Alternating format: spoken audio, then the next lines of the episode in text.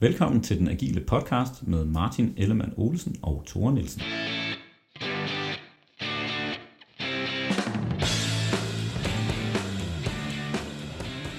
Så er den agile podcast tilbage, og det agile, det handler jo om at eksperimentere og prøve nogle nye ting af.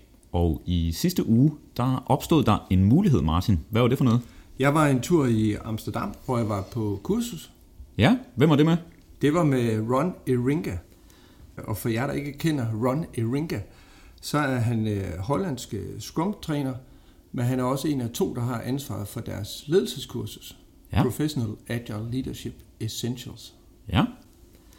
Og der øh, var du så fræk at spørge, om han ikke havde lyst til at stille op til øh, et interview med den øh, agile podcast. Lige præcis. Jeg kender, jeg kender Ron fra, jeg var lige ved at sige gamle dage. Det er nogle år siden, jeg mødte Ron første gang. Øh, Og Ron og jeg skal også holde et øh, kursus sammen, så er vi helt transparente omkring det. Efter første dag, så satte øh, Ron og jeg os ned med en øh, mikrofon, og så lavede vi et lille interview, eller fik en snak i virkeligheden, omkring øh, agil ledelse. Ja. Både omkring kurset, men også måske sådan mere omkring øh, agil ledelse generelt. Ja. Og Ron han taler jo flydende dansk, og det er jo en øh, agil podcaster øh, på dansk. Faktisk taler jeg flydende hollandsk, så nej, det er, det er der ikke nogen af os, der, der ja. gør. Så øh, vi bryder lidt vores øh, format den her gang. Vi, vi prøver et interviewformat af, og så prøver vi også at gøre det på engelsk. Og det håber vi er okay med vores lyttere. Ellers så må I jo meget gerne sende os noget feedback på det. Ja, send os endelig noget feedback på det, uanset om I synes, det er, er rigtig godt eller mindre godt. Skal vi ikke bare spille interviewet med Ron? Lad os gøre det. Her kommer interviewet med Ron. So, like I said in the intro, I'm in Amsterdam in the professional agile leadership training, and I'm joined by uh, one of the trainers, uh, Ron Eringa. I hope I didn't slaughter your name, Ron. No, you didn't. It's Okay. okay. Yeah. Welcome to the podcast. Thank you. And you know that we're doing this in Danish, right? It's a Danish podcast. How's your Danish, Ron? It's very bad, so try me. Okay. I'm gonna go with you. We'll uh, we'll do it in English. Yeah. Or maybe I'll go to Dutch. They maybe understand that better. But uh, Maybe. Let's uh, let's settle for English for now. yeah, let's do that. Okay. Uh, so we've just done the first day of training. Yep. Yeah. Uh, could you tell me a little bit about yourself or the listeners? Yeah, I can. Um, so I guess 12 years back, I started working with Scrum. I was a Scrum Master for that time. Back then, Scrum was fairly small, also in the Netherlands, where it's kind of big right now. Um, so we started doing a transformation. You couldn't call it like that. So we started just using Scrum at the team level, and nobody else was doing it.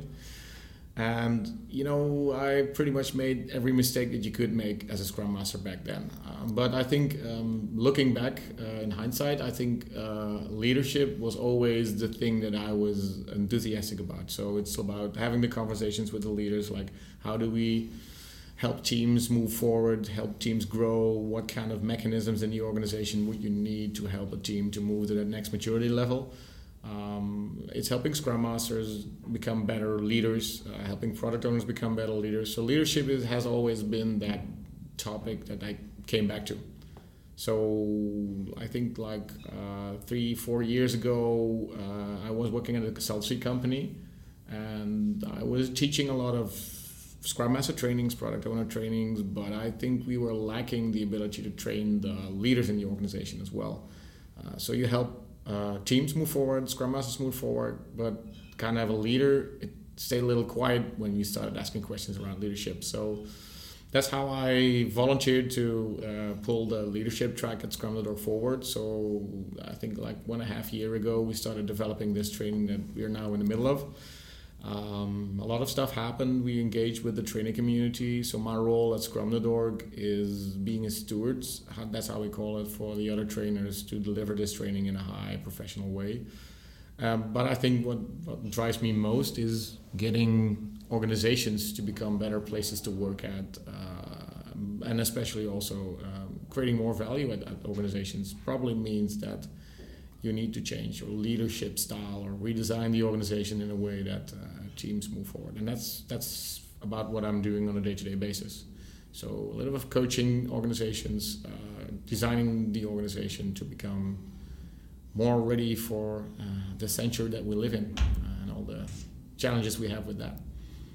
Cool. Yeah. So, so you're one of uh, you're one of uh, two professional Scrum trainers with Scrum.org, responsible for uh, for the content of this course, right? Yeah, correct. Yeah, Yeah. so I think they did a good job in selecting uh, a US-based trainer and a European-based trainer because I see there's kind of a big difference between the cultures that we have around the world.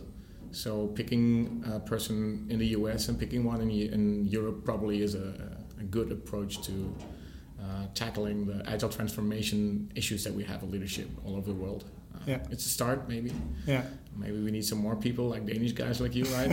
so, Yeah, Yeah. and and I think that, that we touched on this even on the first day of the course, the, the cultural aspects, right? Yeah, yeah, um, and I think that's one of the reasons, even though that we're Danish podcast and we can't do this in Danish, we we believe this makes sense to have this conversation because Dutch and Danish culture, uh, leadership culture, is actually quite similar. yeah, it is. Yeah. Uh, and some of the concepts coming out of the US are very different. The, Mhm. the, the power distance is different, and there's Yeah. a lot of things that is different from True. the cultures that you and I uh, operate in. Yeah, that's, Yeah. that's true. Yeah. And to be completely transparent, we go like what eight years back, Mm-hmm. something like that. Mm-hmm. Yeah, we met Yeah. at a conference in in Holland. Yeah, to at a pool table, Yeah. drinking some beers. Yeah. yeah. So we have three common interests: pool, beer, and, and agile leadership. Yeah, and I think that's where we also discovered that Danish culture isn't that much different from the Dutch one. So Yeah. yeah, Beer and pool. beer and pool. Yeah, Yeah. cool. Um, and transparency being one of the agile values, maybe we should be transparent that this is also a bit of shameless uh, self-promotion because Mhm. you and I are doing this course, co- uh, co-facilitating this course in, Yeah. in Denmark Yeah. uh, in the beginning of uh, uh, April Yeah, on the second and third. Yeah. Uh, so, uh, could you tell our listeners a little bit about the course? So it's a two days course. What can they expect from it? Yeah, so it's a two days course where, uh, well, quite similar to what we have with other courses, where we, well, the, the fun thing is about this training course is there is no such role as a leader in the Scrum Guide, and I've heard that remark like ten years already from leaders, like, okay, so why do you focus so much on the teams, and and what about us? Uh, well, this is exactly what we do. So this training, to start with, the persona that we're aiming at is a person who is responsible, uh, not necessarily a manager, by the way, responsible for agile transformations. So uh, either helping Scrum Masters, product owners to move forward. It could also be an HR professional who just wants to know how do I drive this agile change in the organization forward. Uh, we've had executives in the training as well, uh, who, and actually, uh, if you do it in house, for example, I've, I've had a few of those occasions where this organization is really looking into so, what's the role of our leaders in the organization to help the teams move forward, to, to get better agility, to, to go to that higher level of maturity. And this is what we do in this training. So, you've seen day one. Um, what we did today actually is uh, you, we build a canvas with some sort of a tool set that you could help leaders uh, make a sort of a plan to start with uh, in the agile transformation. While on day two, we dive more into the how do I do that? So, how do I engage people in the transformation? How do I help those people really grow and move forward? And um, yeah, I think that's that's what we do in this training. Uh, help Yeah. people discover uh, how to change their traditional manager role into a more of a leader role. Uh, I think we made the remark today. It's like managing is a lot of stuff that you do with things, while leading is what you do with people. And I think that's a summary of what we do in, in those two days of this training. Yeah. So, so building on that, you said that there are some specific tools in the in the training. Is, Yeah. is that something you see leaders request a tool set where to start, or Uh, yeah, that's a good question actually. So I think uh, not only for leaders, but in general, like every training that I get is that people come in with the expectation is to fill their uh, backpack with tools that they could use, and actually that is what we do. So for example, there's management 3.0, delegation poker, these kind of things, and on day two we have some interesting tools as well. Uh, but I think the most important thing is we talk about the mindset switch. Situational leadership is one of the concepts that, that we actually use. Delegation, how do you deal with that? So, beside that, we provide a number of tools. It's more about tying that all into the why behind it. So, why does a leader need to change, and why does that help the organization in delivering higher value products? I think that's probably uh, what we touch upon most. But yes, there's definitely uh, set of tools that people will take away. Uh, on day one, I think you've just seen that we, we built a canvas that you could actually use to start planning your transformation. I think that's one of the most important tools that we have right now in the training. Yeah. Mm. I think one of my uh, takeaways is not the right word. One of my um, maybe surprises today was that it, I'm in a Scrum.org training, but it doesn't seem very Scrum specific. Yeah, well, yeah, that's actually I was kind of scared by that because you know as Scrum.org we tend to spread that message of Scrum. Um, we tried experimenting with this. So in the first trainings, we are like, oh, is this okay? A Scrum.org training where we actually don't teach about Scrum. The only thing we teach about Scrum is, of course, we talk about the roles. Uh, you will encounter uh, Scrum Masters, product owners in the organization. Um, but what actually happened, and that's interesting because in the Netherlands, uh, a lot of people already went to a product owner and a Scrum Master training. So people told me like, if you're ever gonna do that again in the leadership training, because I've seen all that stuff, I'm just gonna walk out. So it was gonna okay. So what do we do with this? So while we were developing this training, and trying out some stuff, uh, we figured out like in the Netherlands at least, we don't have to explain Scrum in the training anymore. So it's kind of a precondition that you know a little bit about Scrum. And on the other hand, if we talk about agile leadership, you don't necessarily need to know all the details about Scrum. Of course, the rules are important, but uh, I hope maybe you can confirm on that. The exercises we did today will talk about the roles, but in a different way that we would just teach about Scrum, right? It's it's more about discovering what the roles will be once they become more mature.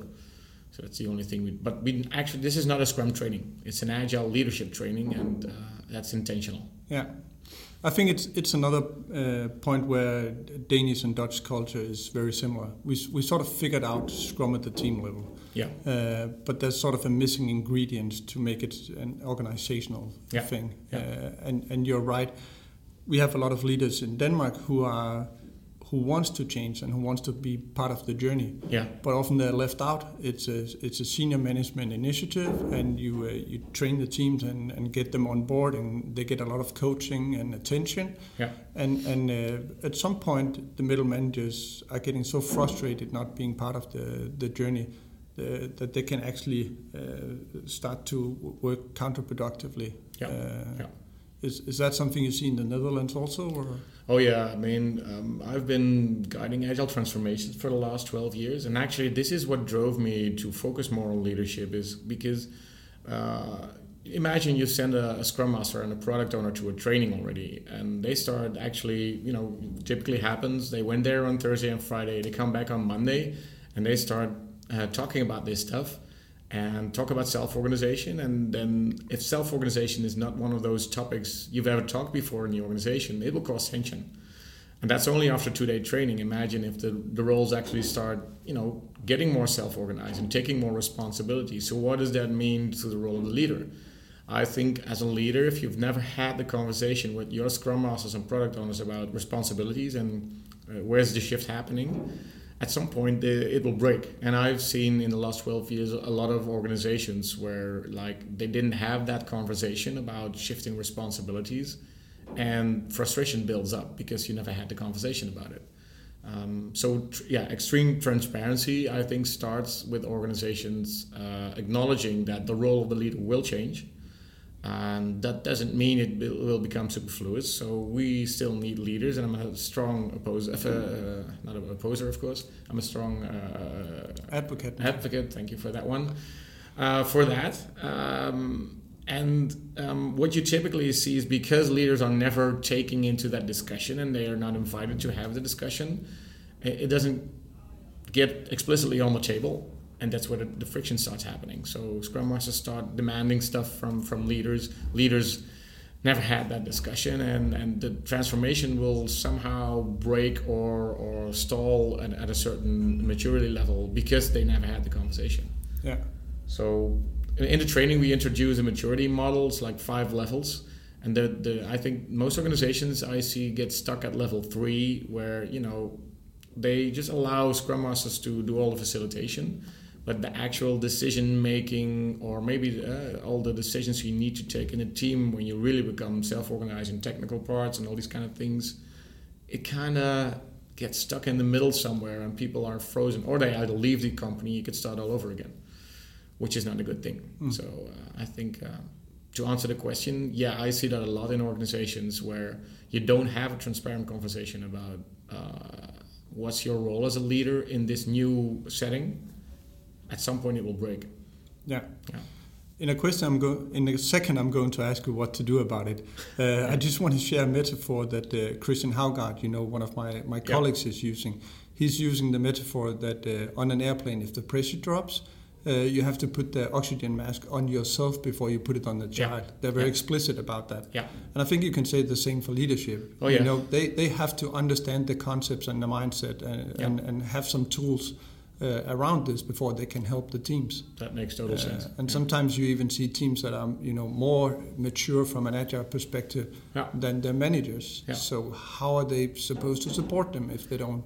Exactly. Yeah. Yeah. So so what you see a lot is uh, if you expect as a leader for teams to take more responsibility, you have to be prepared to drop that but that means you have to get the, the example behavior in that. So you know, always being one step ahead of team, wearing that oxygen mask. So uh, before you start helping your kid, children, I think that's the most important thing. So same thing happens with the scrum master in a team.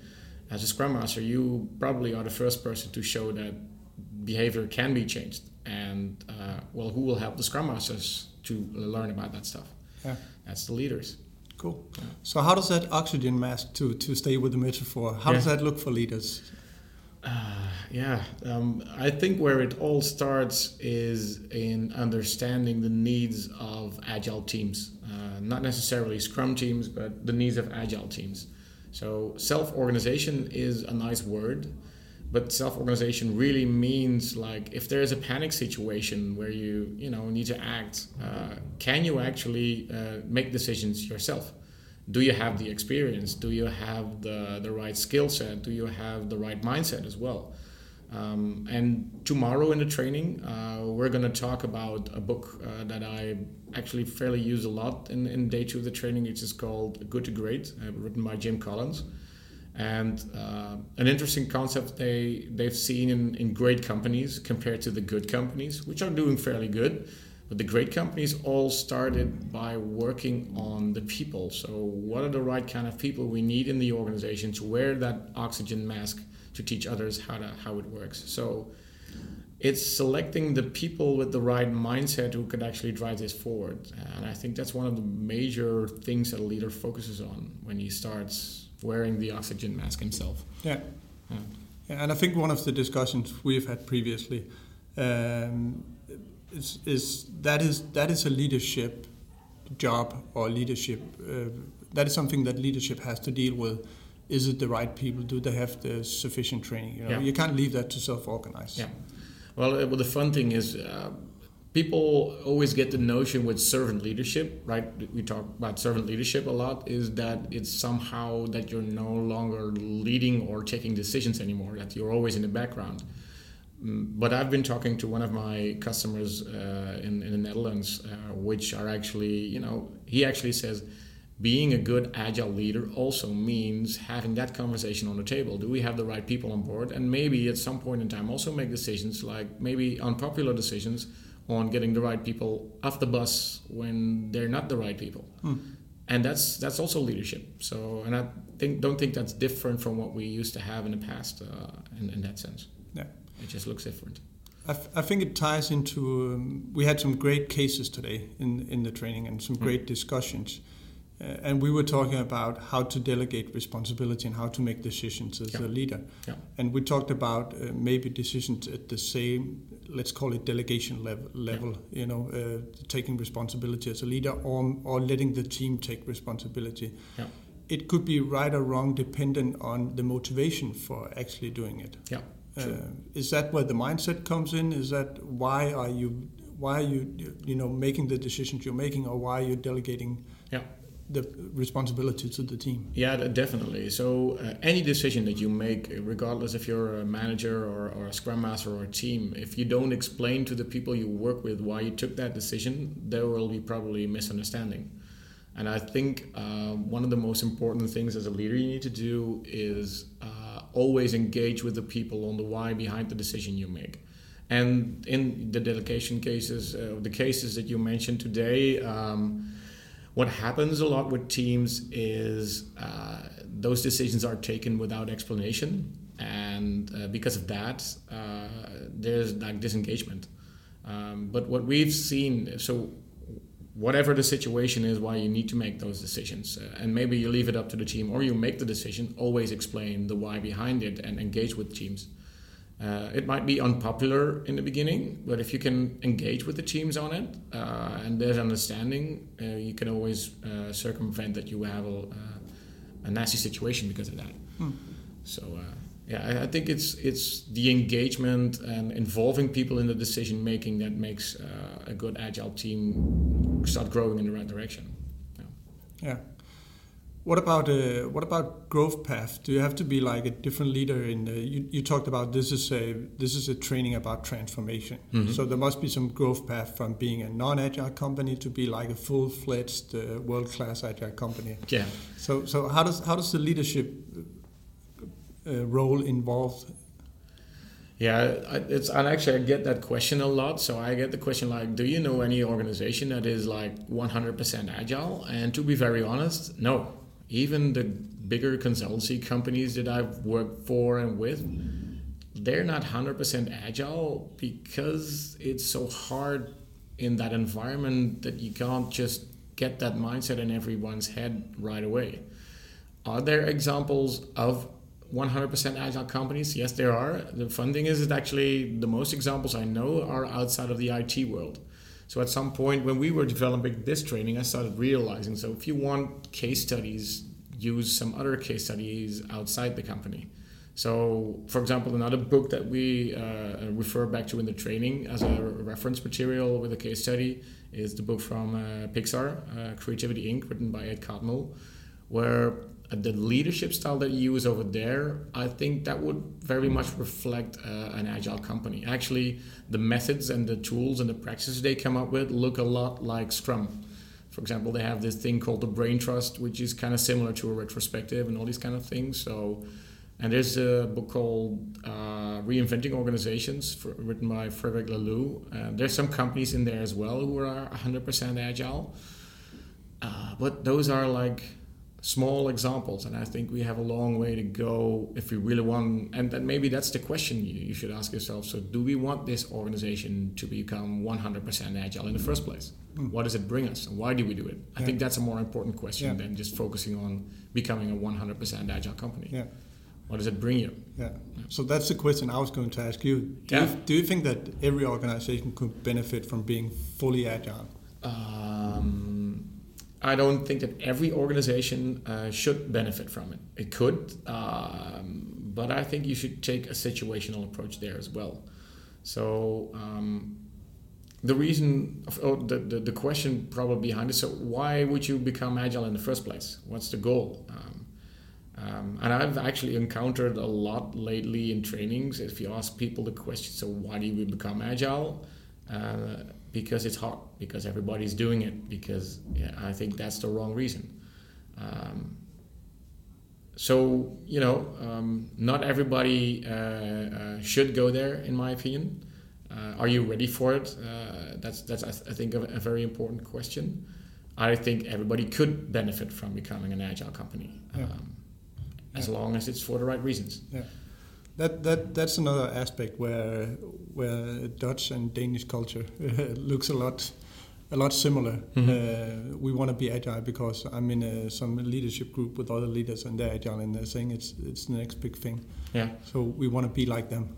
Okay. Like yeah. co- copy paste culture, right? Yeah, yeah. Well, the fun thing is, well, Spotify. I think they're in Sweden, right? Yeah. If I'm not mistaken. Yeah so a lot of organizations in the Netherlands actually are copying the Spotify model, which is bad in a, in a, number of ways because in the first place there is no such thing as a Spotify model.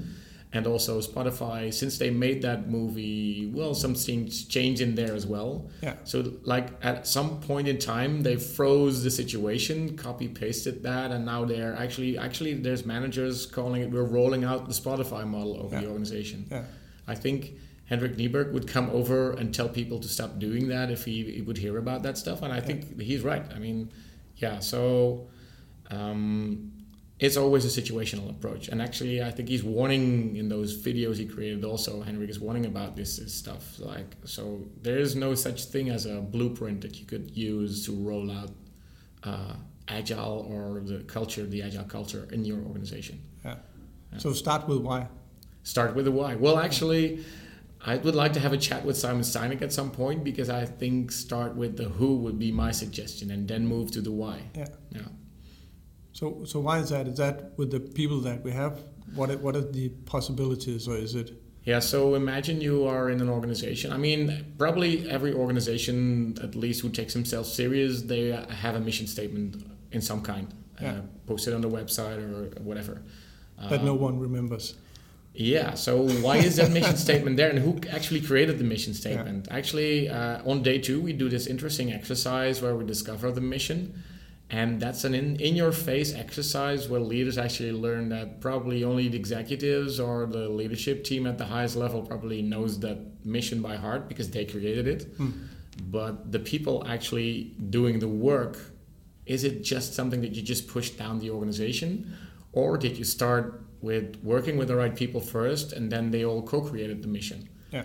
Um, and I think the examples from uh, the Good to Great book we referred to before are reflecting that if you start with the people first, involve them in creating the mission, then more stuff will happen, and there's also actual real engagement in, in that part. Um, yeah.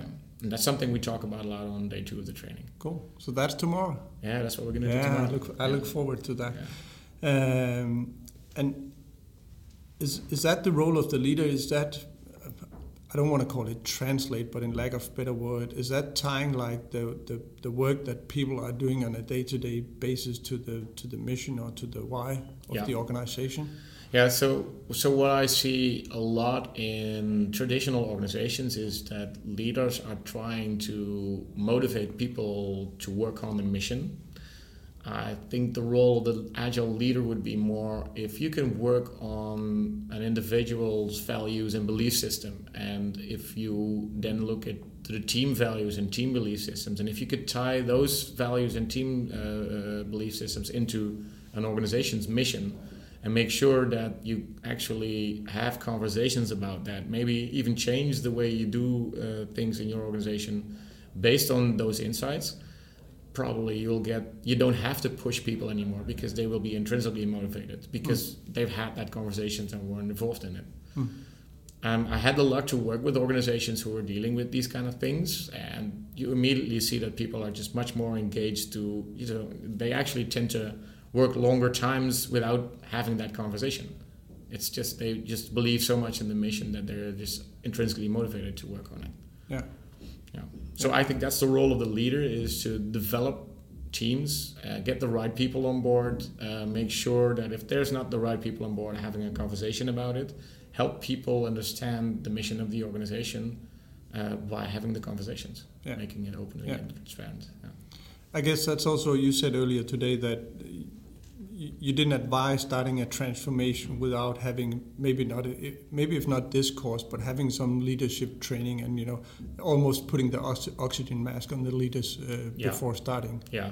Yeah i think well i've seen uh, i think that's the mistake i've made in the past uh, as a consultant uh, is like you get a question like help us with these tools and you're like enthusiastic. You want to help that's the nature of, of our job is helping organizations move forward and they can make small steps. So for example you can find help them you know get comfortable in the plane. But at the end if you don't have the right oxygen well nasty stuff will start happening when you don't wear the mask. So yeah. if you don't put that oxygen mask on first and understand and really live those values first then probably you're just improving in the margin. You're not making the biggest change that you need. Uh, so i think that's why i like yeah. that oxygen yeah. mask uh, comparison a lot I think sometimes it's it's like being a preacher. You know, people can go to you and confess. You you can sort of ease some of the pain. Yeah. Uh, but you don't really solve the, the, the problem. Yeah, and I think that's what I had to learn, uh, especially in a class like this. Is like uh, as a trainer, you tend to talk a lot because there's concepts. Especially if you talk about Scrum, there's a lot to explain. I think what is different from a leadership class, from a, a two-day class where you learn about the Scrum Master role or Scrum in, in the first place, is that it's more exercise-based. um, you're trying to tap into why are you doing this in the first place. So you need to have those conversations a lot. Um, so I think in any uh, leadership kickoff that you would do is before you even send Scrum Masters or product owners to a training, to first live those values yourself. So wear that uh, oxygen mask yourself. Yeah. So first have your leaders trained before you train your people because that's kind of a real nasty statement, right? Yeah. Send people to the training and you don't know what they're trained about. That's kind of strange. Yeah, I think some of the, the benefit from that you can get from, from doing an agile transformation, I, I think they're pretty well, well known, right? That there's no surprises there. You can get you can get faster time to market. You can get more engaged employees. You know, you can drive down costs. There's a, there's a lot of things that you can get yeah. uh, that is actually pretty well known. You can get closer to the customer, shorter feedback loops, more transparency. So yeah. all this stuff we know, but I think there's a lot of different ways to get there. Yeah. Uh, and I think that's that's one of my wishes for, for leaders when they put on the oxygen mask is to reflect on do we have to go safe? now I mentioned it, you know, sometimes it's we'll do the safe. nasty word, right? Yeah, the nasty word. So we can we can we can say safe on this. No, podcast. I'm good with that. I'm yeah. totally good. Yeah, and that's just just to clarify, there's absolutely nothing wrong with safe. No. But no. if you implement it for the sake of safe, which is something that, that we see at least in, in yeah. Denmark happening, um, yes, you, you can promise the, the benefits of agile and you can implement safe, yeah. but you might never get it because it, it doesn't fit the context yeah. uh, or, the, or the culture of the, the company. True, yeah. So, so there's a, a big contradiction in, in using mechanisms or like safe or, or so the, the, the big advantage of it is that uh, the leaders who are now working in a traditional way and they, they recognize a lot of the structures in safe and that's I think one of the, the major things why this works is that they recognize themselves as they are in their current state. But it's also immediately uh, the problem with, with if you stay uh, in that same rigid situation, you'll probably never change. So uh, you can use all kinds of tools and mechanisms to, to move forward, but having that actual conversation about the why you're doing things is more important. Mm. So regardless of what framework or what, what, what tools and, and processes you start using, always you stay with the why. I think that's that's the most important uh, message behind it. Yeah. yeah. And is it is it even is it even possible to? It's a wrong way of phrasing. I was going to ask you, is it? But it's a loaded question. I was going to ask you, is it even possible to to change the organization and the way they operate without changing the the leadership? So, but it isn't, right? yeah, that's a good question. I mean, um, well, so why change in the first place? Um, probably because there's something wrong with the leadership. Otherwise, why would we change it in the first place, right? Um, so, uh, well, there's this statement. and I don't know even where it came from. If you keep doing the things like you used to do, you keep getting the same results, right? Yeah. Um, I think that that's that's about it. So I, I, always compare this with an operating system. So compare it. Uh, so um, I'm gonna get it a little checky now. So I used to have a Windows 95 machine or maybe even a, an MS DOS machine. Well, and then you're trying to install a new application on top of that that is not fit for that operating system. So Scrum, I see Scrum as a uh, a framework with a lot of practices and, and roles in there who are uh, managed around self-organization, but the operating system of that traditional leader is not designed around working like that. So I see a lot of organizations who try to implement Scrum while their whole organization is just not based on self-organization. It's based on decision making from the top, and people just execute the stuff that's been made up at the top in the organization. Well, there will be friction in that. So if you talk about leadership, I think is understanding that not everywhere in an organization they will probably need self-organization, but there where you do need it, you probably need a very much different operating system to deal with that. Yeah. yeah. So. Uh, when I came here in the uh, accidentally in the airport, I saw that the you know the, the walkway out to the plane that is uh, sort of attached onto the plane after it's uh, it's parked. Yeah. Uh, the operating system, I, I, I, saw that in, in Copenhagen today. That was Windows XP. Oh, driving that. Interesting. that's very interesting. And I was going, I was thinking like, hmm, interesting. That that's that's pretty old. And then I was thinking, But that's probably a closed system, right? They don't Yeah. have any security issues. Yeah. It's a closed system. It only operates that one arm. Uh, it's it's proven. It's tested. You know, there's no bugs anymore. It's been running for years and years It works and years. for them. It works for them. Yeah. But I think the problem in organizations today is they're not closed systems Yeah. like that, right? Yeah. So so It's they true. are operating in an environment of change and Yeah. a lot of stuff's going on. Yeah. So you can't run your organization on Windows XP anymore. Well, you know, if if you're in the in the transport business, like like uh, the the situation you just went, and may, maybe the, the the whole ideas around moving people around will change. So what if if your organization demands like something different than that plane with that fixed uh, stairs uh, over there? So if you want to change the system. While the initial operating system wasn't built for it, at some point in time you will bump into issues. So I think that yeah, that might be I don't know if we're going too far with the comparison there, but uh, I think yeah, you're right. Uh, at some point in time, if you build a closed system, it, it, it was built for the generation that fixes the problem in that generation. I think we've kind of moved forward to a, a next level of complexity in our society where there's more transparency demanded from us, and uh, you need to have a more open system to deal with that because the problems are becoming more open and, and you need to change faster uh, along the way. Yeah. Yeah. So so looking forward, uh, what is what is the future for agile leadership? Yeah, that's a good question. Um, well, the danger what I see in uh, organizations adopting agile is that we don't get past this level of mechanical scrum that you often see. So that people get scrum fairly fast because you know the scrum guide is like 70 pages, whatever it is. Um, there's a set of rules, a set of guidelines, and, and people call it zombie scrum or mechanical scrum. And, and what you see, typically see is the agile uh, adoption in organizations is being consumed so much that a lot of organizations never get past that level three I just mentioned before. I think what is to, to make that happen, to go past level three and to really help Scrum teams get the best out of how it is intended uh, as, a, as a framework, you need the leaders to always be one step ahead of the people in the teams. And at that this point in time, in most organizations, that is simply just not the case.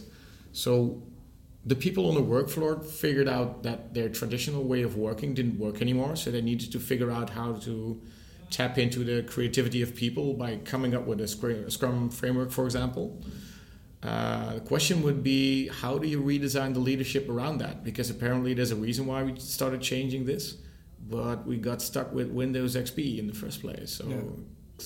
I think for the next steps to make is to have leaders, for example, move away from uh, that top-down decision making into doing more coaching or facilitating or helping people more with their vision statements and how do, does that tap into the organization mission and how do I facilitate that people will do this intrinsically. Yeah. Uh, so the skills that you need as an agile leader might be different from those of a traditional manager. Yeah. Um, so it's no managing anymore; it's really leading. It's moving people, and I think that's a Yeah. big difference. Yeah. And I think a lot of them are afraid of losing control, and uh, maybe they're losing control in the old sense, Yeah.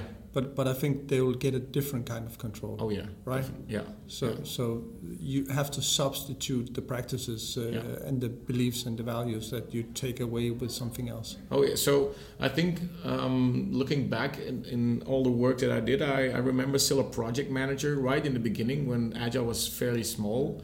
Uh, the remark I got from her was like, "I don't have to." Worry about the stuff that you do with your scrum team. We had a very mature scrum team, having said that in the first place. But she said, like, I feel more control than I've ever felt in the organization when I was trying to, you know, deal with all the decision making. You tend to have smart people in your teams and they make the right decisions because they're so smart as an overall. So there's like 10 brains in the team and they're always smarter than I am. So what she told me is like, I don't, I actually feel more control because um, we have engaged the people in making the decisions. So that's kind of you know kind of chicken egg problem you have. Yeah, like yeah. letting go of control seems kind of scary, but once you actually accomplished a, a high level mature team that could actually make those decisions, is actually you get more control because of that. Yeah. Yeah.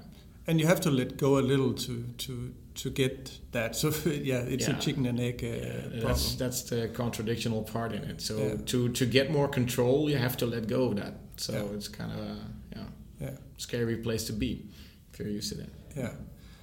And I, I think a lot of leaders they're also you know they're they're raised in the, in the traditional leadership system. Yeah. Uh, and, and they have sort of earned the privileged position that they're in right now. So so it's um, it's puzzling me how we're going to convince them to uh, to change.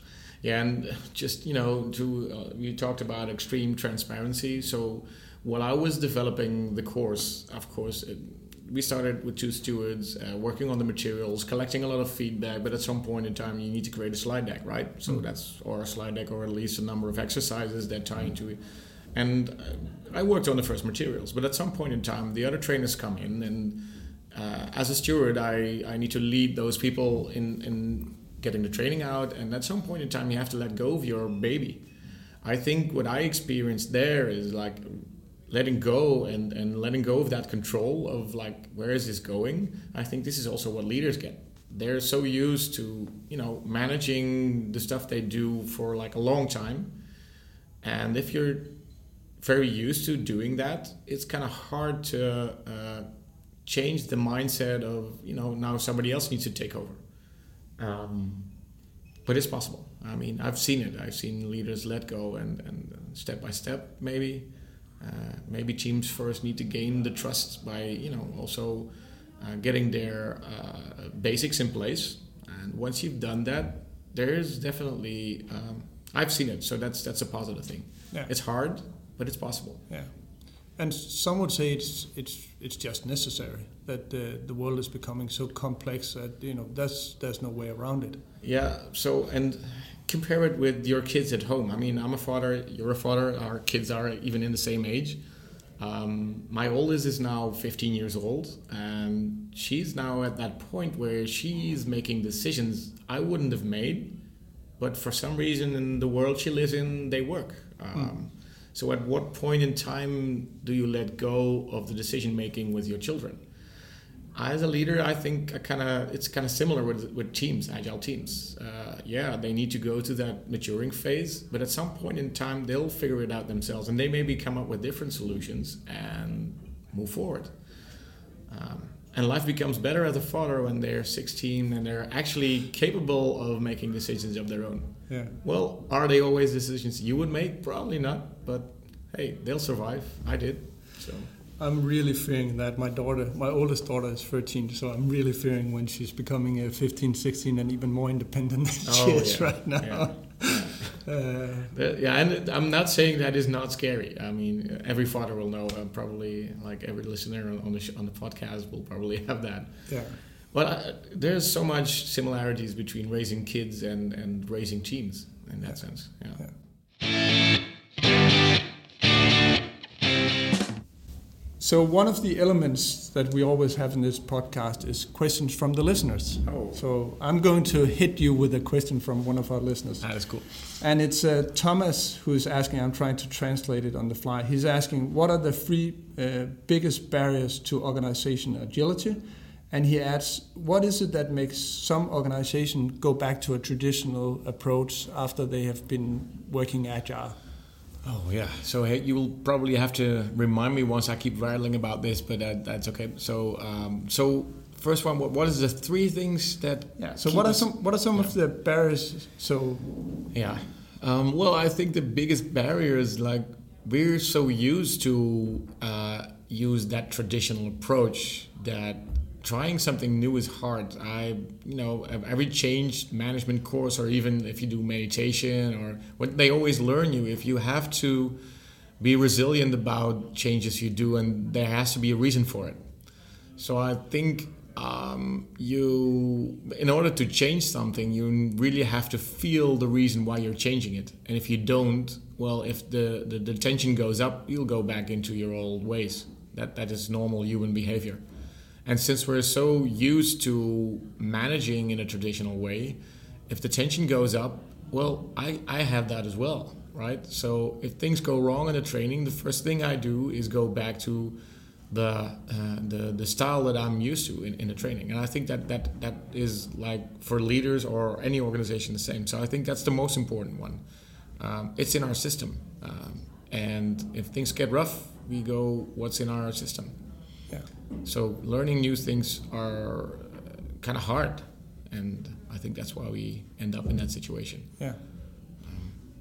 That was not three things I think, but I think it's the most important one. Yeah. Um, one other thing is that um, Scrum is fairly new. It's been around there like for like already 15 years or so. Uh, but still, I mean, compared to how long I think we started managing in the way we manage nowadays in like in this revolution, right? So uh, it's that book uh, written by what's his name again? Um, uh, scientific management. Yeah. Right. That's that's hundred years ago. Yeah. So 15 years of doing Scrum, Kanza, it's maybe long, but it's not in our system. Yeah. Look at our edu- education system. Look at our schools. I don't know how it's in Denmark, but my kids in school, they're like, you know, they, they sit down, watch at the teacher, and they consume. This is the way we manage organizations as well. So they're taught by this. Yeah. I think that's the reason why we so uh, we, we're so moved back to that situation where, where when things get rough, well, we're going consuming mode. We'll Yeah. just expect people to tell us what to do. Yeah. And a lot of the structures are set up to support that mindset. Oh, yeah. Since it's been around Yeah. for so long. So Yeah. even though that you change your way of thinking, Yeah. that there's an organizational gravity that is going to pull you back if you if you don't deal with that and uh, and change that also. True. And I think so. So the gravity is an interesting one. I think so. Um, looking at new school systems in the Netherlands, I don't know how it's in Denmark. Uh, maybe not. Maybe they are. But I think people are looking into those systems to see how do kids better learn. For example, we've been using training from the back of the room in, in our trainings as well. So looking at how do people learn. Well, our our time span that we can actually consume stuff is like 15 minutes, but still we teach people for one two hours in a row uh, materials. While we know that we forget everything that's past the 15 minutes. So knowing that, uh, how do you design the organization around that? How do you get a system where uh, we tap into people's creativity by involving them more in, in what you do instead of telling them what to do? Yeah. That's an interesting one. I think that's one of the reasons also why organizations find it, and it's it makes sense, right? So it's not we shouldn't blame an organization to fall back into that behavior. It, Yeah. it makes sense. Yeah. We've been used to doing that for hundred years at Yeah. least. So Yeah. yeah. I can I can say from my own account, uh, even if, if if you draw a parallel to raising your kids, uh, when I when I have um, uh, excess energy, uh, I can have a conversation and you know be be, be a facilitator. Uh, Yeah. And then other times when I'm really tired and they come to me and I, I just you know say no and they say why and I say because I say so. Yeah. And, and I wouldn't characterize that as agile leadership No. but it, it's sort of a, a default. I'm the parent and you're the kid, and uh, Yeah. I make the decision, right? Yeah, I've and I always always hate myself for it afterwards. But I just didn't have the energy to to have the, you know, the discussion and facilitate and, and make them realize on their own what the right decision was. Yeah, and if, yeah, I've, I've recognized that totally. I've had many situations like this, and my kids know what I do. And you know, in holidays when we're more relaxed, they mm. actually they, they tell you like, "Oh, but you're different normally." Yeah. And actually, that's a in your face re- Yeah. remark that you're Yeah. not that agile on a day to day basis as well. So when attention goes up, you fall back into that system that you are used to so much. Yeah. Yeah. But I'm agile at work. exactly. yeah. So you get in the car and just lose all that stuff. no, no, no. That whole work-life balance of fusion, that's a whole different topic. So, so let's Yeah, save that. Yeah. Uh, yeah. So that was um, that was our listener question for today. So- Okay. Cool. Is that a good note to finish on? I think so. Yeah. Any last points you want to get across? Well, it's exciting, and especially for the Danish people, I think it's kind of similar to what we have in the Netherlands. I really feel that the, the, the shift that we see is our cultures are perfectly fit to experiment with self organization. Maybe better, and maybe we're like kind of, maybe I'm exaggerating a little bit, but I've seen many culture where there's still like top down command and control, also in, in the governments. For some reason, I think our uh, Uh, Danish and, and Dutch backgrounds. We're kind of world conquerors, trying out stuff that other people didn't try out before, right? You got onto your boats, came into the Netherlands. Well, the Netherlands then got into their boats and sailed the rest of the world. I think that has to do with that mentality. Yeah. We're like try out stuff and see where we can go from this. So Yeah. letting go of the the old maybe is a, a good way to be the center of the world again. Yeah. So the leaders among our listeners, they, they have an opportunity to be uh, to be world leaders in uh, Oh yeah, definitely. in agile. Yeah. Okay, Yeah. cool. Thanks, Ron. You're welcome. Uh, I look forward to tomorrow, another Yeah. day of training, Yeah. uh, and maybe we should go get some dinner now. Oh, we should. Yeah. Yeah. Yeah. Thanks a lot. Yeah, we'll do. Thanks.